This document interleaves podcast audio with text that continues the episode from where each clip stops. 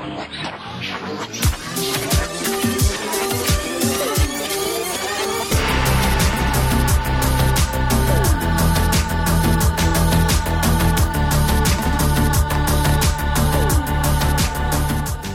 dagens episode av Popstagi så har jeg med meg en veldig veldig viktig gjest for meg. Hun har virkelig på en måte formet min musikalske identitet, vil jeg si. Ikke nok med at jeg var obsessed med musikken. Da sangen i tillegg ble med på Pokémon-soundtracket, så var jeg helt solgt. Eh, ja, det var, Jeg husker jeg fikk eh, Bombfunk MCs album i bursdagsgave, og jeg byttet den asap til Shades of Purple. Det var ingen tvil der. Da skjønner kanskje noen at jeg snakker om M2M, og jeg har med meg selveste Marion Ravn her i dag, som jeg har så mange spørsmål til. Takk, takk for at jeg får komme. Ja. Det er så gøy å sitte her med deg. Det er en skikkelig stor uh, drøm for meg. Det er uh, veldig hyggelig å høre. Jeg blir skikkelig glad når du sier at jeg har vært en del av din uh, musikalske identitet. Det er jo en stor ære. Ja, men Så hyggelig. Det er virkelig sant. Jeg har hørt ekstremt mye på musikken din og til M2M allerede, men de siste ukene spesielt, da, for jeg la opp til dette her. Mm.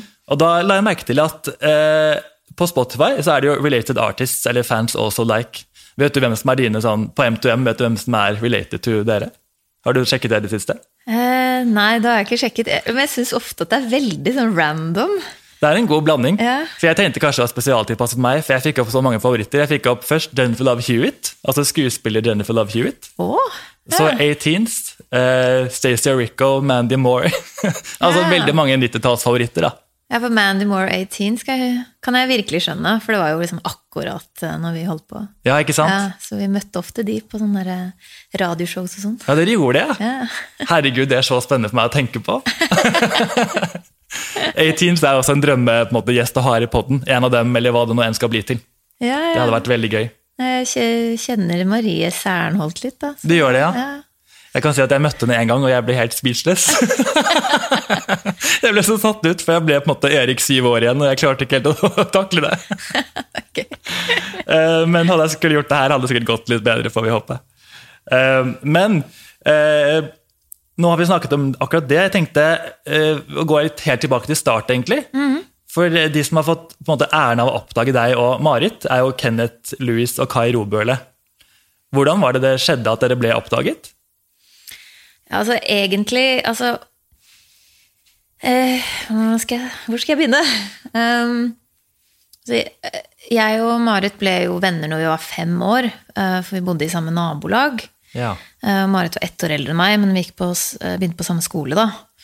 Og da startet vi et band når vi var åtte år, som vi kalte Hubba Bubba. Ja, kult. og da dro vi rundt på sånn barnehageturné, så vi ringte ringte barnehagene selv og booket oss inn. Og dro på turné og holdt konserter. Og da spilte vi på skolen vår. Og på skolen vår så var det var en av lærerne eh, en som sang i Bjelleklang, et band fra Lørenskog. Ja, ok. Um, og han skulle lage en, en barneplate for Naturvernsforbundet. uh, og lurte på om vi ville være med på det. Og den ble spilt inn i Waterfall Studios i Oslo. Eh, som da Kai Robøle eh, og Kenneth Louis jobbet, eller ja. eide, da. Så det var første vei inn? liksom? Ja, det var på en måte første vei inn. Eh, og så hadde jeg en stor drøm om å spille inn en egen barneplate. Mm. Så pappa dro rundt i Lørenskog og eh, fikk spons av lokale kjøpesenteret og lokale bensinstasjonen, så vi fikk noen tusenlapper. Wow, For en dedikasjon. Ja, for å liksom få dra i Waterfall Studio og spille inn en demo, da. Og da spurte jeg om Marit ville være med. Ja, Og hvilken demo ble det her, da? Da lagde vi en eller annen barnesang, men jeg husker ikke hvilken barnesang. Nei. Uh, og det Og den demoen gjorde at vi fikk platekontrakt med EMI. Uh, og da var jeg åtte og Marit ni. Så tidlig, ja. Det er rart å tenke på. Så, så, da ga vi ut en barneplate først. Så vi vi, vi ble på en måte oppdaget eh, før eh, vi ble M2M, da. Ja.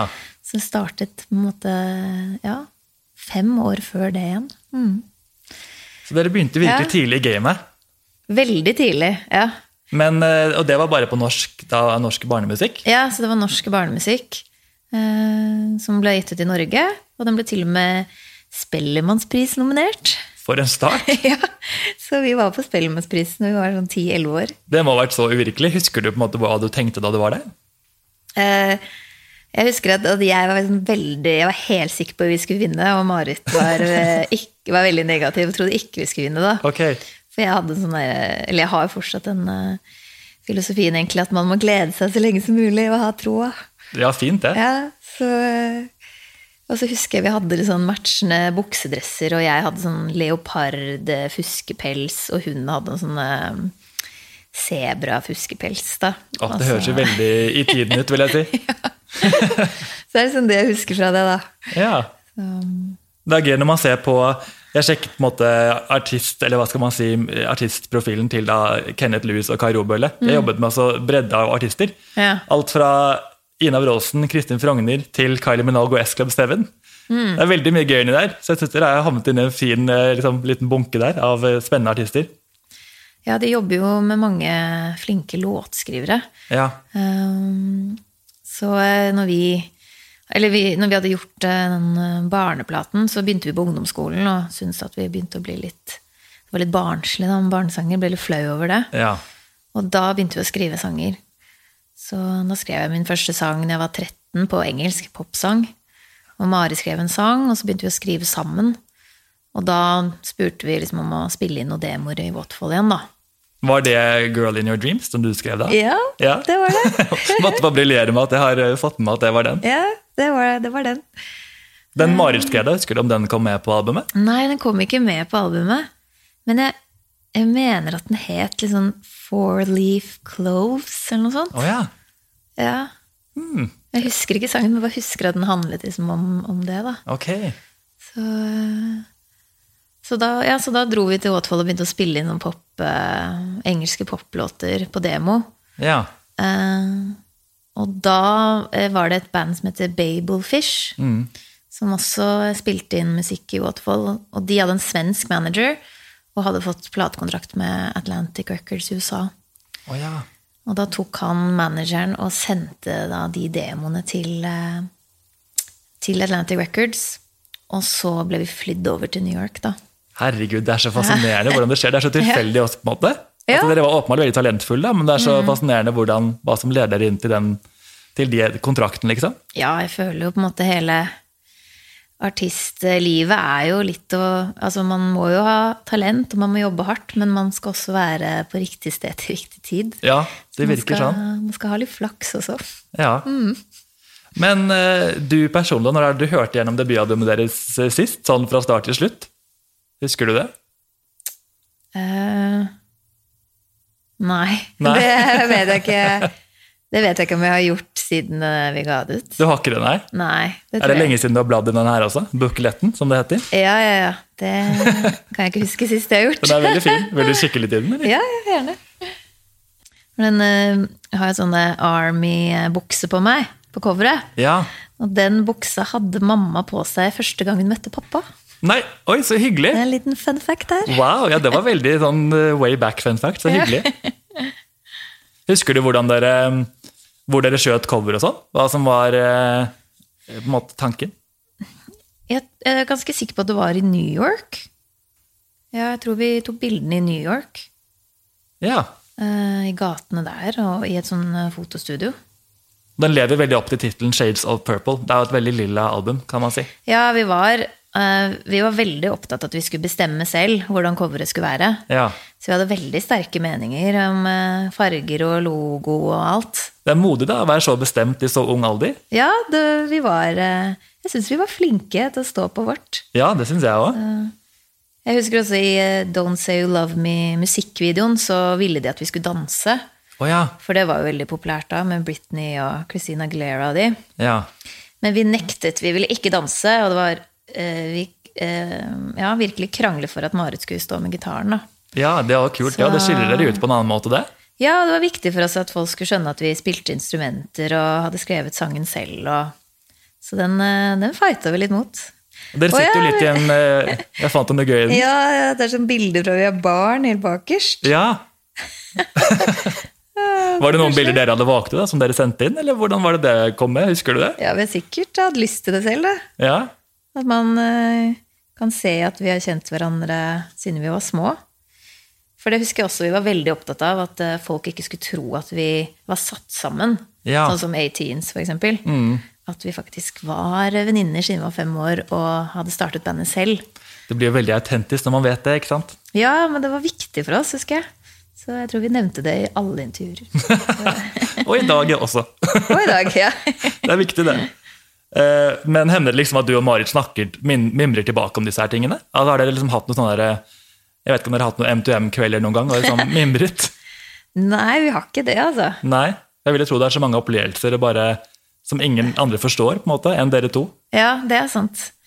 Det gjelder jo noe spesielt, en spesiell tid i livet. Ja, Så det kunne sikkert vært gøy, det, altså. ja Ja. det vil jeg anbefale dere.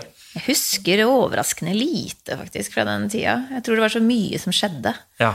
At det ble litt mye for en eh, 15 år gammel hjerne. Ja, det forstår jeg. Dere var jo overalt på promotering. Altså, Du nevnte Don't Say You Love Me, som er hovedsingelen, så klart, eller mm. debutsingelen til M2M. Eh, Og Den var dere rundt i USA og promoterte, og den solgte til eh, gull i USA. Var på nummer to i Norge, nummer fire i Australia. Den var en skikkelig global hit. Eh, og jeg satt og gjorde litt research og prøvde å finne opptredernavn og se på alt dere har gjort. Da. Og da havnet jeg innom en sånn eh, video hvor dere går rundt i Disney World Florida. Ja. Og er inne i den norske avdelingen i Epcot-parken. Ja, Og der har jeg jobbet skjønner et år. ja det det. Så jeg var sånn, nå er dere der på min gamle arbeidsplass. Det var veldig fascinerende å se at dere gikk rundt og bare Look, this is a Norwegian troll. Husker du at dere gjorde det selv, eller har det gått i glemmeboken? Eh, Nei, det husker jeg, for vi hadde sånn Disney in concert. Ja, Så vi hadde jo en hel eh, konsert i eh, Disney. Så det var jo veldig stort. Mm. Uh, og vi gjorde veldig mye Disney-ting. Så ja, vi var jo litt sånn en del av de der eh, Disney-stjernene da. ja.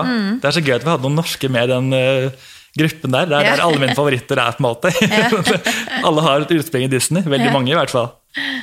Uh, Men uh, hvordan var det på en måte Pokémon kom inn i bildet? Husker du det? Hadde dere noe med det samarbeidet selv, eller, var det bare, eller hvordan skjedde det, liksom?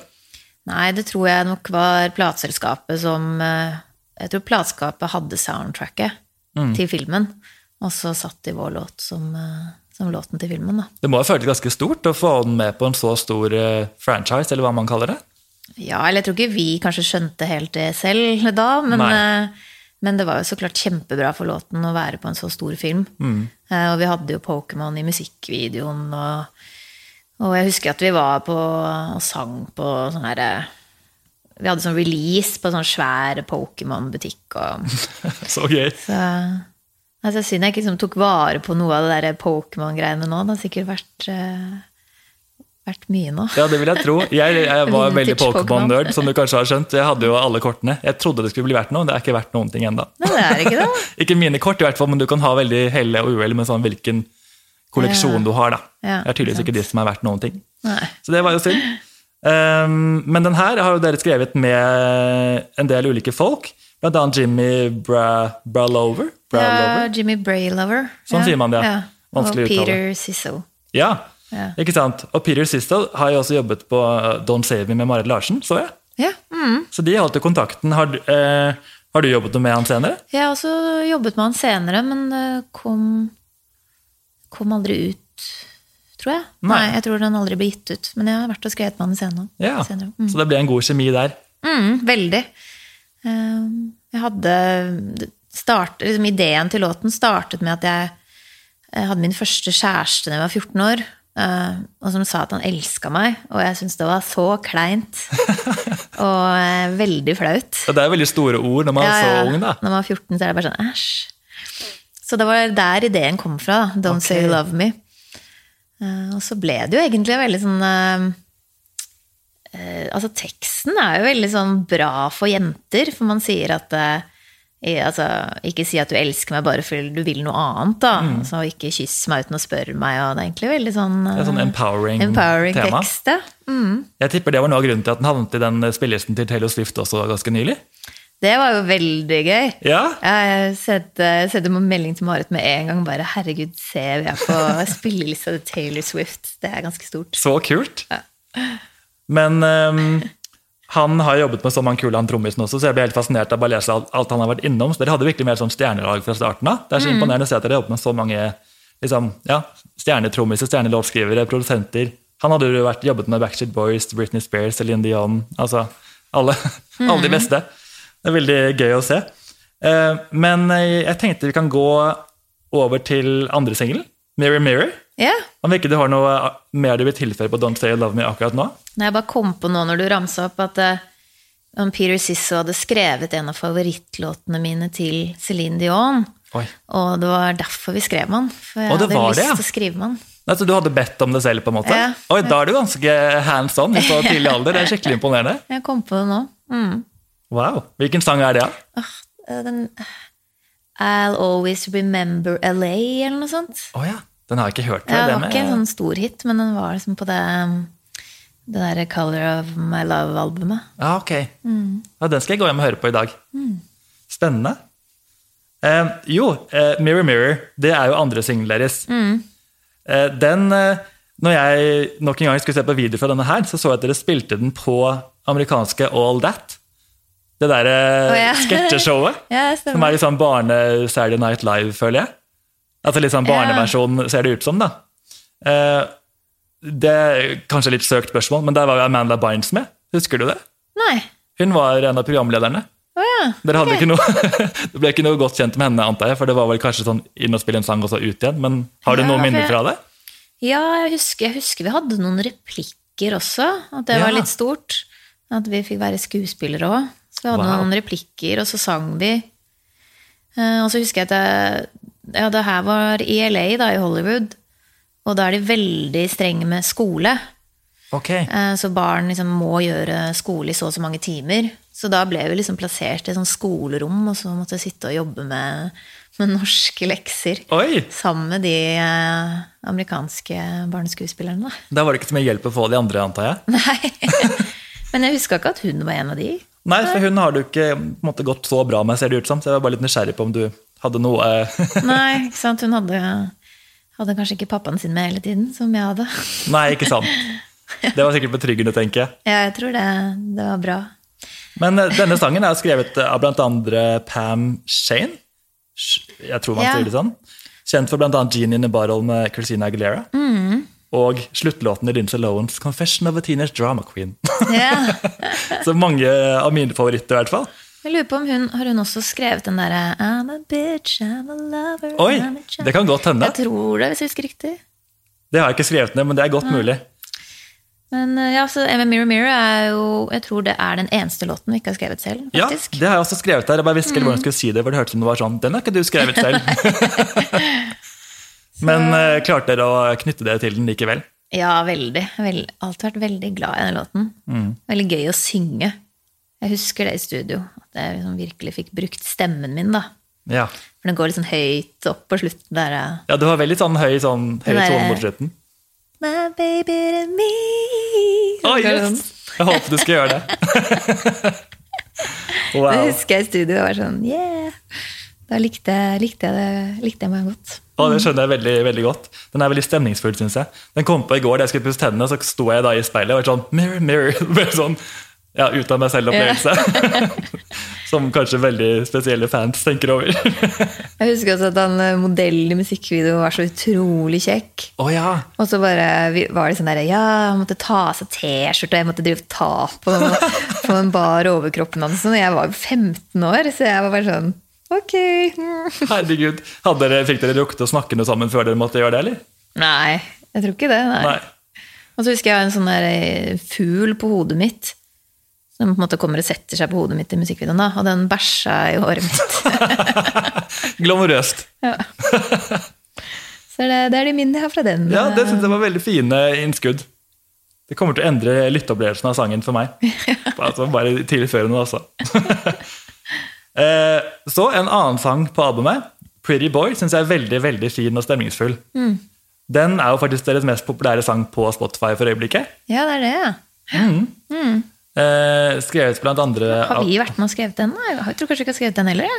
Nei, kanskje ikke. Fordi det jeg har funnet ut er at det er Nora Skaug og Botolf Lødemel som har skrevet den. Men noen steder står det også at Max Martin er involvert. Vet du om det stemmer? Eh, nei, han var, ikke, han var ikke med og skrev låten, men han var med og produserte den. Ja, ok. Ja, Så jeg husker at vi var i, i Stockholm og jobbet med den låten med han. Ja. Ja. Så du hadde faktisk møtt han før du begynte på din solokarriere? Så hadde du jobbet med han allerede en Mm. ja. gang? Og så lagde vi også en kinesisk versjon av Pretty Boy. Hvor dere sang på kinesisk? Ja. Oi, det var vanskelig å lære. Ja, vi hadde Det var en eh, Det var på man, mandarin. Og da var det en eh, jente fra plateskapet som var med til Stockholm. Og så lærte hun oss hvordan vi skulle synge ordene, og så skrev vi de på norsk, på en måte. Ja. Hvordan man uttalte det. da. Hvis det var en å, så skrev vi å. Eller, sånn, ja. Ja. Eh, Så vi var veldig opptatt av at hvis vi skulle gjøre det, så måtte det høres bra ut. da. Mm. Og det gjorde vi i, eh, i Sharon Studio i Stockholm. Dere gjorde det. Mm.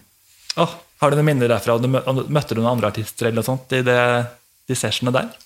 Uh, nei, det, nei, ikke da, men på, når jeg jobbet med Max Martin på soloplata, Ja. Så var eller hun Marie Sernholt var der ofte, for hun var kjæreste med han ene som jeg jobbet med. Ah, ok. Og så Robin. Å, så kult! Det var det med bare si at jeg flyttet til Stockholm for tre år siden. Det første jeg gjorde, var å gå til det studioet og bare ta på døren. så var det litt sånn, det først sto der, var det nesten et antiklimaks. For det var, jeg var der jo alene, så var jeg litt sånn Hva gjør jeg nå? Ingen tok bilde av meg, eller noen ting, men det var fint for min egen del. Eh, men eh, ja, jeg skal mer inn på din solokarriere etterpå, for du har jobbet masse med Max Martin. Det syns jeg er kjempespennende. Um, men um, Pretty Boy, hva hva forbinder du med den sangen? Har du noen sånne spesifikke minner eller liksom, følelser knyttet til den? Pretty Boy var vel en av de første låtene vi, vi lagde demoer av i Waterfall. Å ja, det var det. Ja, så, For den er jo skrevet av to nordmenn. Så det var den, og så også Girl in Your Dreams, som jeg hadde skrevet. Og så var det den Everything You Do, som også var skrevet, tror jeg, av de samme, kanskje. Ja. norske. Så de var på en måte de første låtene vi spilte inn i Waterfall og demoer, da, som ble sendt til USA og sånn. Og for en pangstart. Everything You Do er så bra. Så mye Ja. flytt inn, liksom. Ja. Elsker den. Så, men jeg husker at vi syntes den var liksom klissete, da. Altså Pretty, pretty boy, I love you. Ja, liksom, sånn- allerede da syns vi at teksten var litt vel banal. Ja, den er jo på en måte litt sånn barnslig, men veldig veldig sukkersøt. Ja, ja. Men veldig behagelig å høre på også, da, av den grunn. Den er veldig sånn myk og jeg vet ikke, koselig. Det er som en liten klem. ja, den var veldig stor hit i Asia. Ja. Så jeg har jo faktisk sett nå at vi har sånn nesten en million lyttere månedlig Ja, dere eh, har på det. Spotify. Det er jo helt sykt. Det er helt vilt. Altså, jeg er jo en av 20 dem, men ja, tidløs musikk. Holder seg godt. Eh, Så har dere jo The Day You Went Away, en annen singel. Ja, Den, den, eh, jeg leste at den ble gitt ut som en promosingel i Mexico, var det jeg så, men det var også en singel i Norge som jeg husker. Og, ja, jeg synes jo The Day You Went Away følte jeg var den største hiten vår i Asia. Den ble megasvær der. Mm. Og den skrev jo med Matt Rowe, og han har jo skrevet alle hitsene til Spice Girls. å, så kult! Så veldig bra låtskriver. Ja, hvordan var det å jobbe med han? Hadde han noen morsomme historier på lager? Jeg husker ikke. Jeg husker bare at han hadde en sånn gullplate på veggen hvor det sto 30 millioner eller noe sånt solgte plater Wow. med Spice Girls. Men denne perioden her, var du da fortsatt veldig bestemt på hvem du ville jobbe med? Eller var det, fikk du mye forslag til sånn? Da ble dere satt sammen med ulike folk, og så var dere på en måte åpne for å prøve? Eller hadde dere veldig mye egne meninger akkurat her også? Ja, vi hadde jo noen sånn låter vi likte, og folk vi hadde lyst til å samarbeide med. Eh, Men de, vi var jo på et veldig stort plateselskap, og de sendte oss rundt på skrivesessions i eh, ett og et halvt år, tror jeg. Ja, så, Så vi reiste rundt i hele verden og skrev med masse, masse låtskrivere. Ja. Så det var jo veldig kult at plateskapet faktisk gjorde det. Eh, Sendte to små jenter rundt på skrivesessions istedenfor å bare skaffe oss masse poplåter. De ga oss sjansen til å jobbe med det selv, da. ja. Så eh, Nei, vi var blant annet på De sendte oss ned til sånn um, slott i Frankrike, hvor det var en skrivesession. Eller sånn derre Hva er det heter uh, Når det er liksom en hel uke. Sånn writing camp? Ja, camp, ja. Mm, sånn writing camp. Hvor vi skulle bo på et sånt slott. Og, um, og da var det Sting sin manager uh, som, hadde, som hadde det slottet, da. Oi. Og da var det oss, og så var det en fyr fra The Eagles, og så var det John Bon Jovi. What? Så John Bon Jovi skrev en sang til oss. Nei, det er det sykeste jeg har hørt. Ja, Som dere har spilt i? Nei, vi ga den aldri ut. Av en Det eller er annen rar utrolig å tenke på at ja. han skrev en sang som bare ble liggende, liksom. Ja, den het Your Love Is Like a Big Balloon. Det er det eneste jeg husker. Den har jeg så lyst til å høre. Så eh, ja. Tror du opptaket fins noe sted? Nei, Dere spilte jo ikke inn, sa du? Eller gjorde dere Vi Du lagde vel en demo av den, da. Så det kan hende at jeg har den hjemme et sted. Ja. Jeg har masse sånn kassetter hjemme hos mamma og pappa. Åh, Ja. det, skal jeg, det skal jeg høre en vakker dag. Å, så gøy. Men du har helt rett, det er den mest streamede sangen deres eh, ever på Spotify. Ja. Den har 28 millioner streams. Shit! Så den er jo da tre millioner over Pretty Boy, som nå er på toppen. Da, men de kniver. Ja. Så dere er fortsatt i vinden der, vil jeg si. Mm. Husker du den eksakte tiden du synger i The Day You Went Away? Du sier sånn I remember. ja. September 22nd, Sunday 25 after 9. Oh, nailed it! Så bra. Er det en spesifikk hendelse, eller fant dere på den liksom, som skulle rime inn i teksten? Husker du at, Var det noe som skjedde akkurat da? Nei. Nei. jeg tror det var bare noe vi fant på. Det hadde vært litt for godt til å være sant hvis det var sånn Å, denne her, dette Ja. tidspunktet rimer med alt annet i teksten. Her synger dere også litt sånn eh, Dere uttaler på en måte ordene litt sånn Når du sier me, sier du may. Og den derre litt sånn Britney, Max Martin-måten å synge på. Jeg tror det er bare for at det skal rime på day. Ja, så klart! Der kom svaret. Ja, det er bare derfor Britney gjør det òg. Herregud, så klart. Jeg Og elsker det. Backstreet Boys, for så vidt. så- Ikke sant? Men det gjør at man henger seg litt mer opp i sangen. For man tenker sånn hm, Det var en ny uttale. Og så blir man litt mer nysgjerrig. I hvert fall jeg, da. Ja, nei, det er nok bare Ja, for det skal rime på day. eller- Ja, Ja. lettere å rime. Det funket, syns jeg. Eh, så eh, over til eh, Nei, en siste ting jeg skal si om den sangen. er at Jeg synes det er så gøy at dere på siste refreng at det kommer en en ny del i refrenget. Ja, det er veldig fint. Det er så fin eh, effekt å bare fornye refrenget, men det er fortsatt det man kjenner. Men det kommer likevel da Why do we never know what we got till it's gone? Mm, det er skikkelig fint når det kommer, jeg er enig. Ja, Det er et sånn bra triks, det, og Max Martin gjør det ofte. ja ikke sant? Når eksempel på Upside Did It Again så gjør han det. Så kommer det liksom et nytt refreng Ja. med samme tekst med en ny melodi. Ja, Og så flytter han både ordene liksom, ja, det blir litt sokker om rytmen litt. Så gøy at du også har tenkt over det, for jeg har alltid prøvd å finne sånn, er det et ord på den teknikken, er det, heter det noe? Men jeg har på en måte bare kalt det Max Martin-teknikken. Ja. For det er jo ikke noe sånn faguttrykk, tror jeg. Nei, det er ikke det. Men det er veldig kult når man kan få det til. Ja, funker veldig bra. Så en av mine personlige favoritter på albumet, det er Give a Little Love. Yeah. Den synes jeg er så kul, den gjør meg alltid så innmari glad. Den er på en måte litt sånn hard, som er en sånn fin kontrast fra deres veldig sånn sukkersøte barnestemmer, til at den er litt sånn hør på oss, gi oss kjærlighet, på en måte. Yeah. Um, det ble aldri en singel. Var, det- var det noen gang vurdert til å bli en singel, tror du? Mm, nei, det tror jeg ikke. Nei. Nei, Ikke som jeg kan huske. Husker du noe av hvordan den sangen ble til?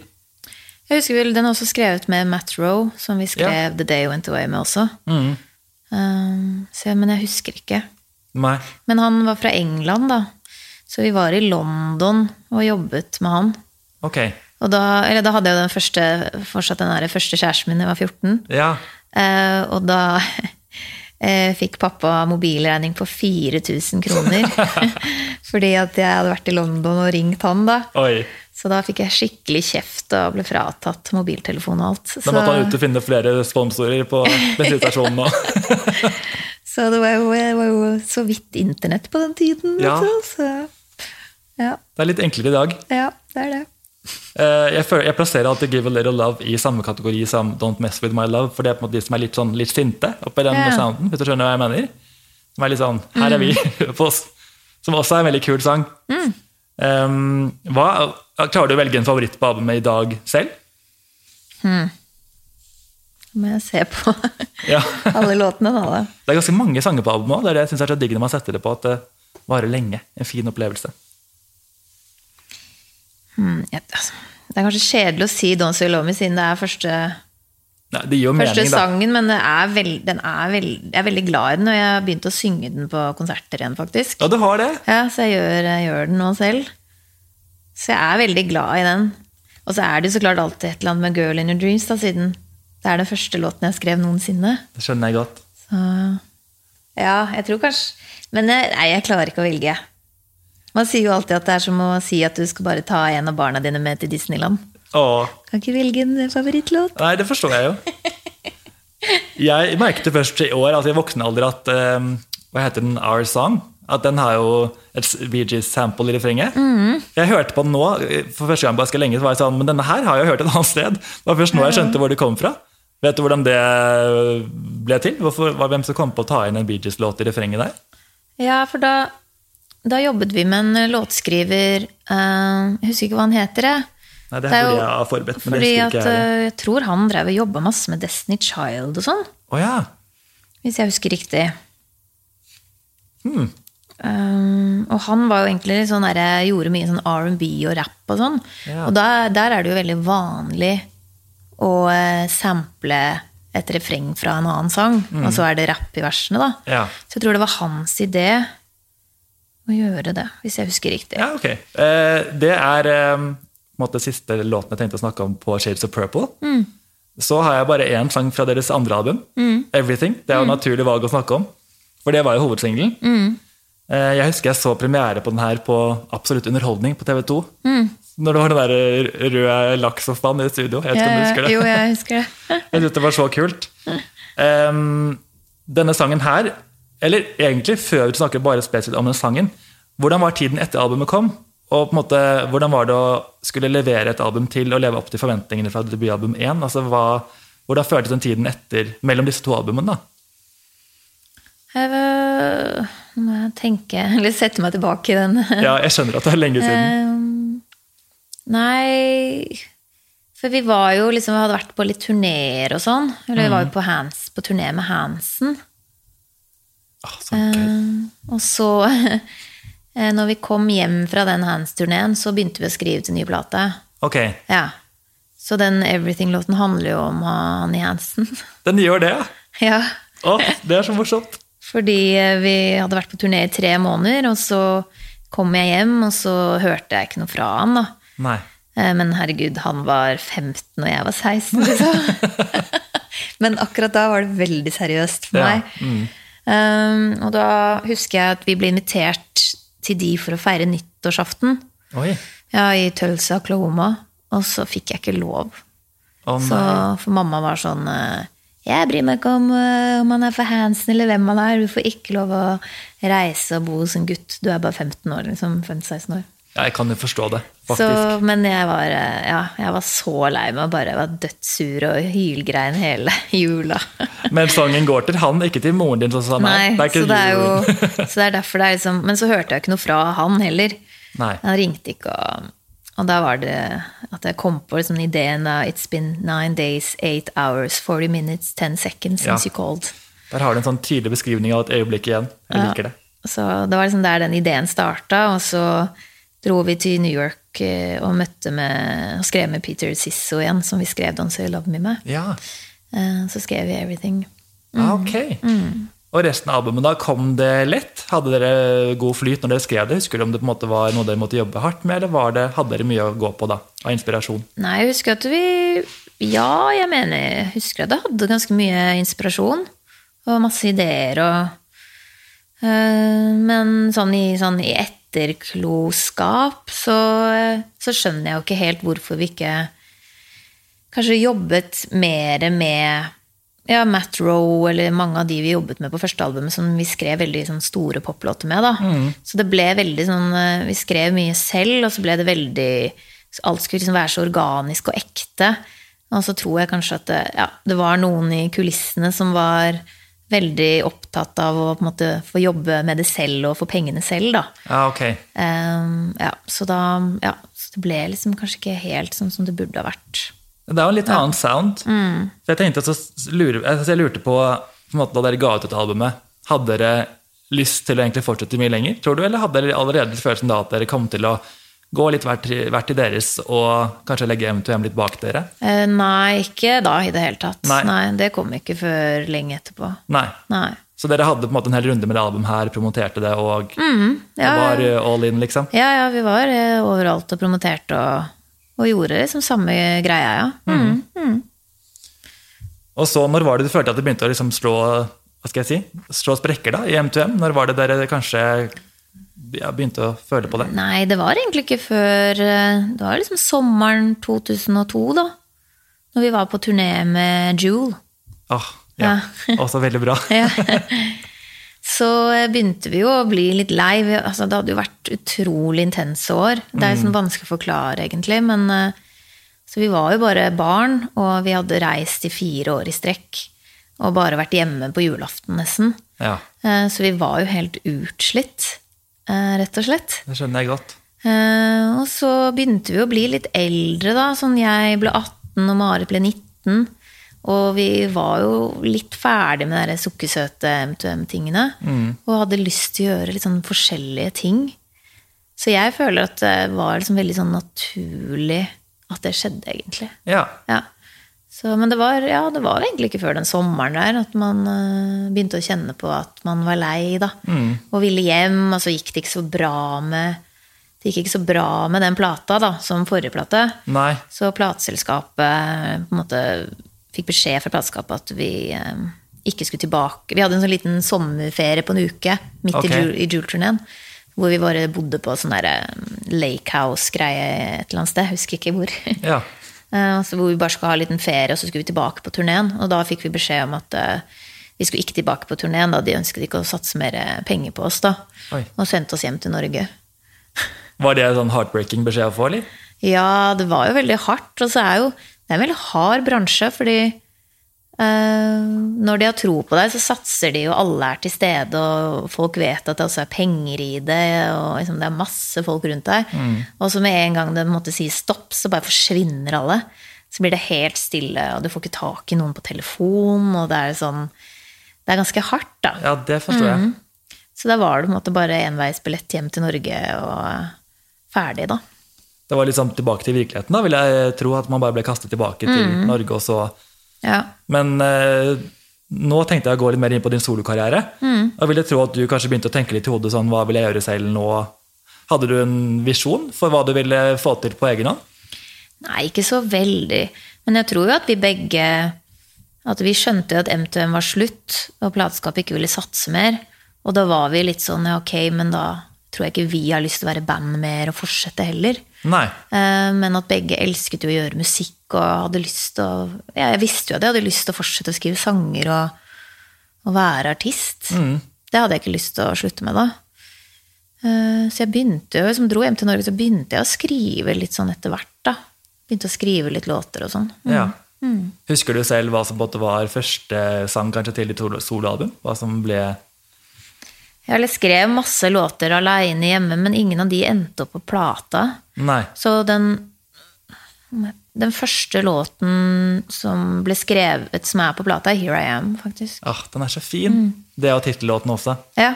Mm. Så den Så føler jeg er veldig sånn Altså en selvsagt tittellåt, i og med at det er sånn Her er du, på egen hånd. ja, sånn sett passet det veldig bra. Ja. Men det, det var helt tilfeldig, da. ja, det var det. Så, Ja. Men ja, så Here I Am var den første låten som ble skrevet, som jeg skrev ja, sammen med Max Martin. da. Ja. ja, for det er jeg selvfølgelig veldig nysgjerrig på, i og med at jeg er helt obsessed med alt han har gjort. Altså, Britney, Backstreet, NSYNC. Han har jo bare laget magi. Eh, men hvordan kom du i kontakt med han igjen da, etter at dere hadde jobbet sammen en gang tidligere? Nei, da eh, begynte jeg jo først å skrive hjemme. Og så dro jeg til Stockholm for å skrive låter der. Eh, Og, og jobbet med liksom forskjellige låtskrivere rundt i Stockholm. da. Ja. Uh, og da hadde Max Martin hørt at jeg var i Stockholm og skrev, og så tok han kontakt med meg og lurte på om jeg ville komme i studio og eh, skrive en låt, prøve en låt med han. da. Altså Det er veldig kult Marion, at du ble kalt inn av han. Jeg blir så stolt på dine vegne. Ja, det, det, det var veldig kult. Og det, Var det en god eh, vibe eller hva man sier, i studio da? Første gangen dere gikk inn sammen? Ja, det var veldig god kjemi med en gang. Og likte han kjempegodt. Eller jeg hadde jo møtt han før, men det husket jeg jo så vidt, egentlig, siden Ja. jeg var 14. Og nå var jeg jo eh, ja, snart nesten 19 da, når jeg jobbet med han. Ja. Så da hadde han den ideen da, til det Here I Am-refrenget. da. Og så skrev vi ferdig sangen og lagde demo. og Mm. Jo, jeg føler på en måte at du er det nærmeste jeg har kommet til noen slags norsk hva skal man si, Avril Lavigne, Kelly Clarkson på den tiden der. Mm. For det er jo litt det han jobbet, han jobbet med mange av dem også. Og det fikk en sånn, jeg ble så, jeg synes det var så kult at vi fikk liksom den type artist i Norge også. Mm. Jeg husker jeg var veldig fascinert av det. Eh, og du, din eh, altså, hovedsingel, eh, 'Break You', Mm. er også veldig sånn hard in your face. Sånn 'her er du', liksom. Mm. Em, var det et åpenbart valg å gi ut den som liksom, introduksjonen av Marion solo? Altså, historien her er jo egentlig at Det her var jo i 2003. så var jeg i Stockholm og så møtte Max Martin, og, og så gjorde jeg Here I Am-låta. Og så endte jeg på å flytte til Stockholm et år. Oh, ja, og så jobbet jeg et helt år med Max Martin.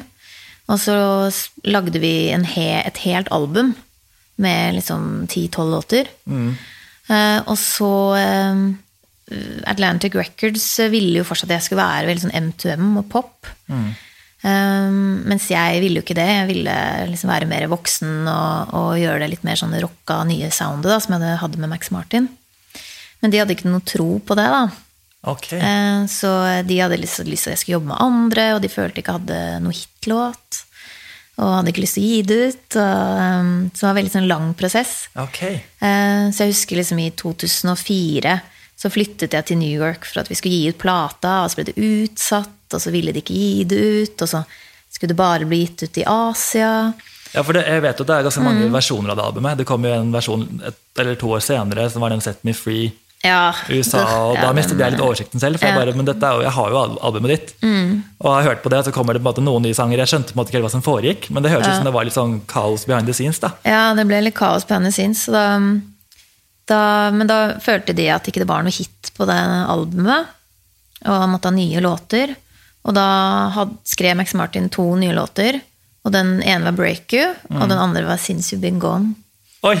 Ja, men Da er det ikke rart at jeg tenkte Kelly Clarkson, for det er jo Mm. Ja. i samme session, så å si.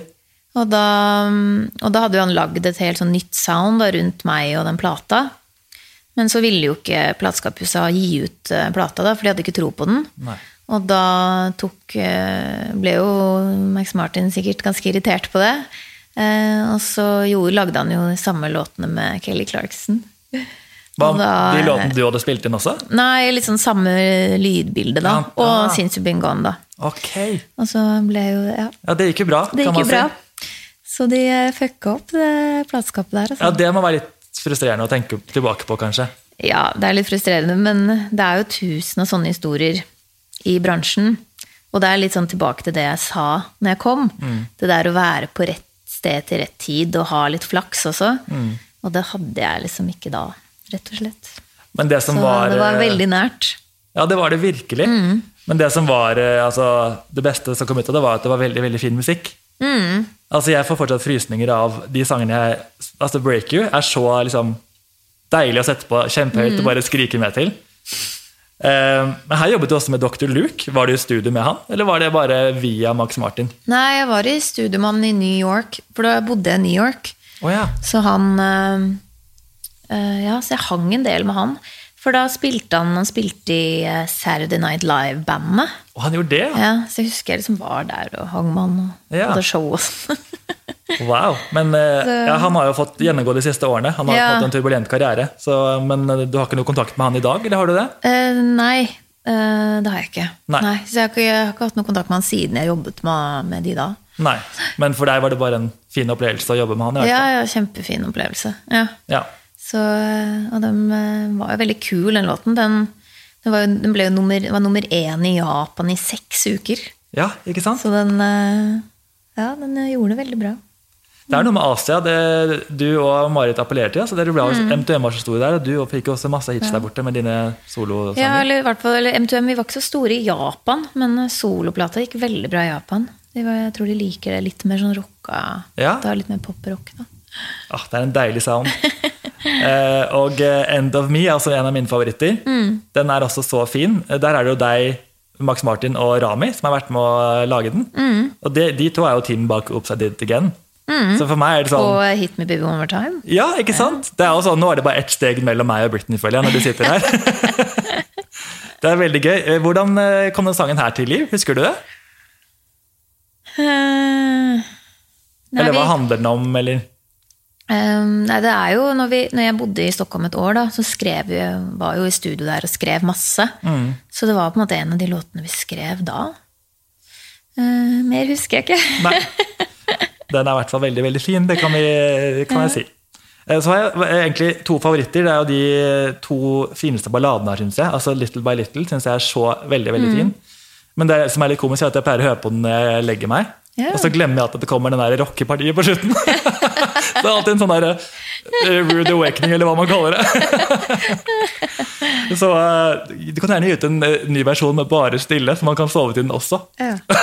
Men det er faktisk også en av mine favoritter fra den tiden. Det er jo som en låt jeg alltid som tenkt på etterpå. Den er så stemningsfull og mm. veldig sånn emosjonell, føler jeg. Men den er skrevet av gitaristen i Cardigans. Ja, det har jeg skrevet her! Åh, herregud, Han har jobbet med så mange de siste årene. Han har jobbet med Ariana Grande, The Weeknd, One Direction, Ellie Ja, jeg tror liksom Max Martin jobber mye med han, eller mm. bruker han det. Mm. Åh, nei, Den er veldig fin. Og den siste fra albumet jeg tok, eh, vil highlighte, er 'In Spite of Me', som også er veldig veldig Ja. fin. For det er vel den siste låten på albumet, hvis jeg ikke husker helt feil. Jo, det tror jeg. Mm. Den, eh, den føles også veldig sånn nær og sår, liksom. Mm. Eh, har du noe, husker du noe historien bak den sangen?